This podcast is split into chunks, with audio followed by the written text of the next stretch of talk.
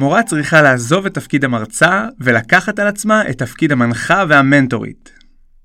אם הייתם מקבלים שקל על כל פעם ששמעתם את המשפט הזה, לא היה יותר צורך בשום הסכם קיבוצי, ואת הטיול הצוותי של סוף השנה היינו עושים יחד בשייט בגלפגוס. אני מודה, אני הייתי בטוח שהאמירה הזו היא נכונה, ולא חשבתי בכלל להטיל בה. למידה מבוססת פרויקטים נשמעה לי כמו הדרך הכי מתקדמת ונכונה ללמד. שיטה שמבטיחה למידה לעומק ודורשת תכנון, שיתוף פעולה, יצירתיות ופתרון בעיות. ואז נתקלתי במשפט הבא במחקר של קבוצת פסיכולוגים וחוקרי קוגניציה.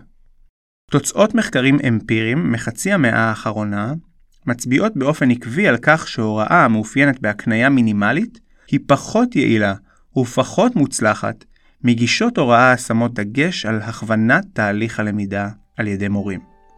נשמטה לי הלסת, מה עושים עכשיו?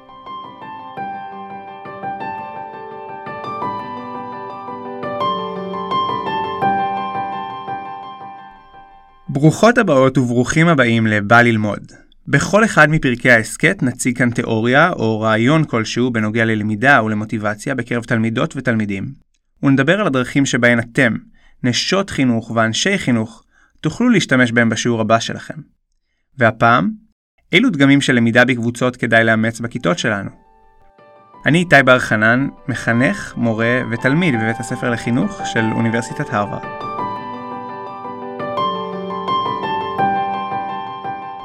הכל התחיל בזה שרציתי למצוא תשובה לשאלה פשוטה. האם PBL, למידה מבוססת פרויקטים, היא אכן שיטה אפקטיבית שהוכחה מחקרית, או שזה סתם מותג שנשמע טוב?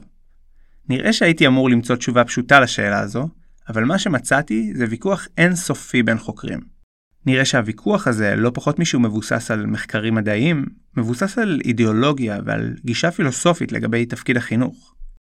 המתנגדים ללמידה מבוססת פרויקטים וללמידת חקר קבוצתית, אומרים שלמידה מהסוג הזה מתאימה לתלמידים שכבר שוחים היטב בחומר, ולא לכאלה שרק מתחילים ללמוד נושא חדש. הם אומרים שסוג כזה של למידה דורש הרבה יותר זמן, ולא משיג את רוחב היריעה של ההוראה המסורתית. הם גם מצביעים על זה שהתהליך הקבוצתי מוביל לעיתים קרובות לתסכול של תלמידים וללמידה של טעויות. בנוסף לכל זה, הם גם מציגים נתונים שמראים שבמקרה הטוב, למידה מהסוג הזה מביאה לאותם הישגים בסופו של דבר, וגם זה רק אם היא ממש ממש מוצלחת. התומכים אומרים מנגד, שלמידה מהסוג הזה מפתחת כישורים אחרים לגמרי, שבכלל לא נבדקים במבחנים המסורתיים. פיתוח לומדים עצמאיים, שיודעים ליישם את הכישורים שלהם במגוון רחב של בעיות, שיפור היכולת לעבוד בצוות, לחשוב באופן ביקורתי ולעמוד בפני קהל. ואם כל זה לא מספיק, הם מציגים נתונים הפוכים, שמראים שההישגים של התלמידים במבחנים הסטנדרטיים דווקא כן משתפרים בדרך כלל. למרות שזו בכלל לא המטרה. האם אפשר לפתור את כל הדיון הזה בהנחה שהאמת נמצאת איפשהו באמצע? האם אפשר ליישב את הוויכוח הגדול בפתרון שאומר שפשוט צריך לשלב? לי זה נשמע כמו פתרון חלקי. רציתי להגיע לתשובה ברורה שתגיד לי מה נכון לעשות בכיתה. בטוח שיש שיטות שתהיה להן השפעה טובה יותר על התלמידים שלי, וכאלה שפחות. מישהו צריך להיות הצודק בוויכוח הזה. ככל שמעמיקים בוויכוח, נראה שחלק מההסבר למחלוקת הנוקבת הוא שההצלחה של התלמידים לא תלויה בשאלה אם עשינו PBL או לא, או אם השיעור שלנו היה מבוסס על הקנייה או לא. ההצלחה תלויה יותר באופן שבו עשינו את זה. בואו ננסה להבין אילו דגמים של למידה קבוצתית אכן עובדים, ועל מה צריך להקפיד כדי שהם אכן יובילו ללמידה אפקטיבית. ניתן כאן דוגמאות לשלושה דגמים, ונסביר את הדגשים החשובים ליישום שלהם בכיתה, שיבטיחו שהם באמת יהיו אפקטיביים. הדגם הראשון הוא בעצם קבוצה גדולה של מודלים שמיישמים את העקרונות שהזכרנו בפרק הקודם וכולנו מכירים אותם בשם PBL. אני אכליל תחת הכותרת הזאת גם למידה מבוססת פרויקטים וגם למידה מבוססת בעיות, שהם שני מודלים של למידת חקר קבוצתית עם המון וריאציות, אבל הבסיס שלהם הוא די דומה.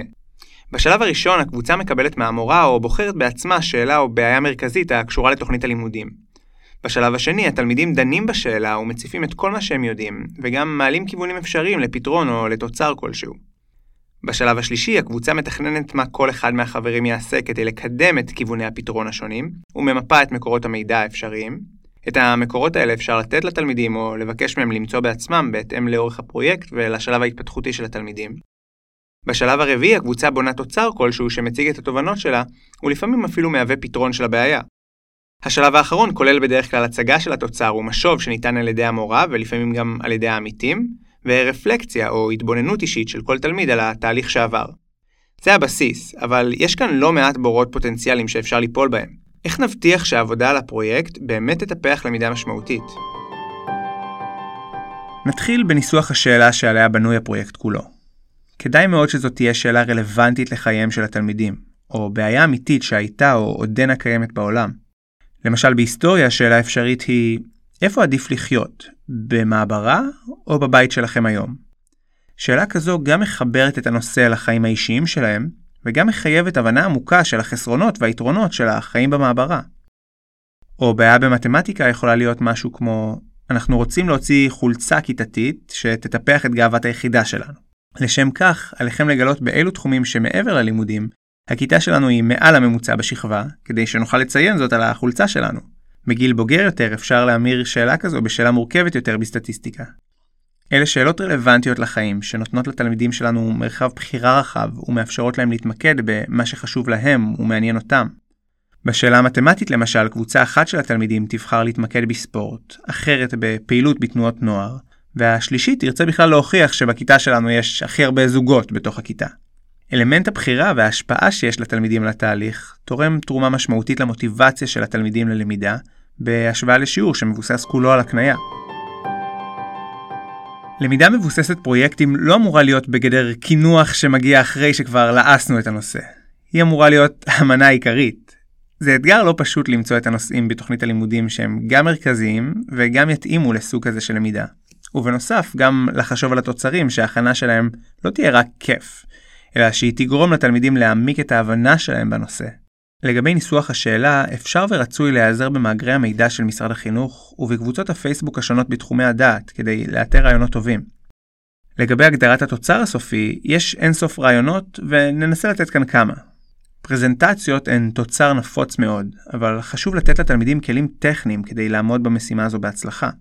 ברשת יש אינסוף סרטונים שיכולים לסייע, אבל צריך להנגיש אותם לתלמידים. פרק של הסכת, ממש כמו זה, יכול להיות דרך טובה להציג תובנות בנוגע לכמעט כל בעיה. יצירת כרזה, כתיבה והקלטה של שיר, צילום סרטון, כתיבה של פוסט בפייסבוק או סדרת תמונות ומסרים קצרים באינסטגרם, כל אלה יכולות להיות אפשרויות טובות לתוצר. חשוב להימנע מבחירת תוצרים שהבנייה שלהם לא באמת תורמת להבנת הנושא. פרויקט נפוץ בגיאומטריה למשל הוא תכנון גן המשחקים האידיאלי, אבל מורים רבים מעידים שתלמידים משקיעים זמן רב בעיצוב, בציור ובצביעה, אבל התרומה של כל זה להבנת החומר היא דלה מאוד. הגענו לעסוק בפרק הזה ב-PBL, מכיוון שכשדיברנו על תיאוריית ההכוונה העצמית, הגענו למסקנה שאנחנו צריכים למצוא דרכים ליצור קשרים בין אישיים בכיתה. על פי התיאוריה, תחושת שייכות היא תנאי הכרחי למוטיבציה פנימית. אבל ל-PBL יש מאפיינים נוספים שיכולים לתרום לטיפוח המוטיבציה הפנימית, מלבד ההיבט החברתי, וכדאי לנו להקפיד שגם הם יתקיימו. שני התנאים הנוספים למוטיבציה פנימית על פי התיאוריה היו עצמאות ומסוגלות, ואת שניהם נוכל להשיג בלמידה מבוססת פרויקטים. אם הפרויקט יעסוק בנושא מעניין ורלוונטי עבור התלמידים, ואם תהיינה להם הזדמנויות לבחור ולשלוט באופי הפרויקט, כמובן שגם הצורך שלהם בעצמאות יסופק במידה רבה יותר. היבט נוסף שאולי כדאי לשים לב אליו, הוא המרחק של היעד הסופי בפרויקט. אם אנחנו מכוונים לפרויקט גדול, שייקח לתלמידים סמסטר שלם לבנות, אנחנו מסתכנים בפגיעה בתחושת המסוגלות שלהם, ובעקבות כך גם במוטיבציה שלהם. מטרה רחוקה ולא בהירה נוטה לפגום במוטיבציה הפנימית.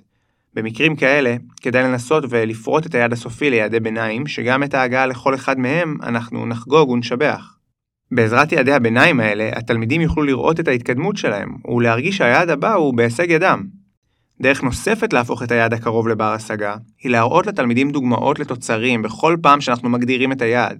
אם נחזור לדוגמה משיעור מתמטיקה רגע, לא נגדיר את עיצוב החולצה כיעד הסופי והיחידי. עצם בניית הסקר הוא הישג שראוי לשבח. איסוף התשובות, חישוב הממוצעים והשוואת הממוצעים של הכיתה לממוצעים השכבתיים כל אחד מהשלבים האלה הוא יעד שרצוי להגדיר בצורה ברורה ולתת לכל אחת מהקבוצות משוב רציני על העמידה בכל אחד מהם.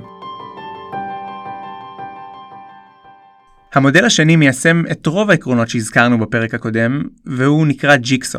גם הוא מודל די מוכר. נציג אותו בפשטות על ידי דוגמה משיעור ספרות. נניח שאנחנו רוצים ללמד חמישה שירים. נניח שיש לנו 30 תלמידים בכיתה. נחלק אותם לשש קבוצות בנות חמישה חברים כל אחת. נקרא להן קבוצות הבית. ניתן לכל הקבוצות משימה קצרה שהיא הקדמה לנושא.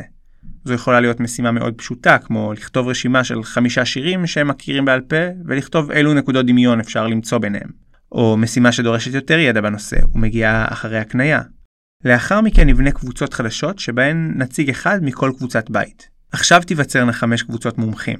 כל קבוצת מומחים תלמד שיר אחד לעומקו, תדון בו, אולי תצפה בסרטון או תאזין להקלטה של המורה, ותסכם את מה שהכי חשוב לדעת לגביו.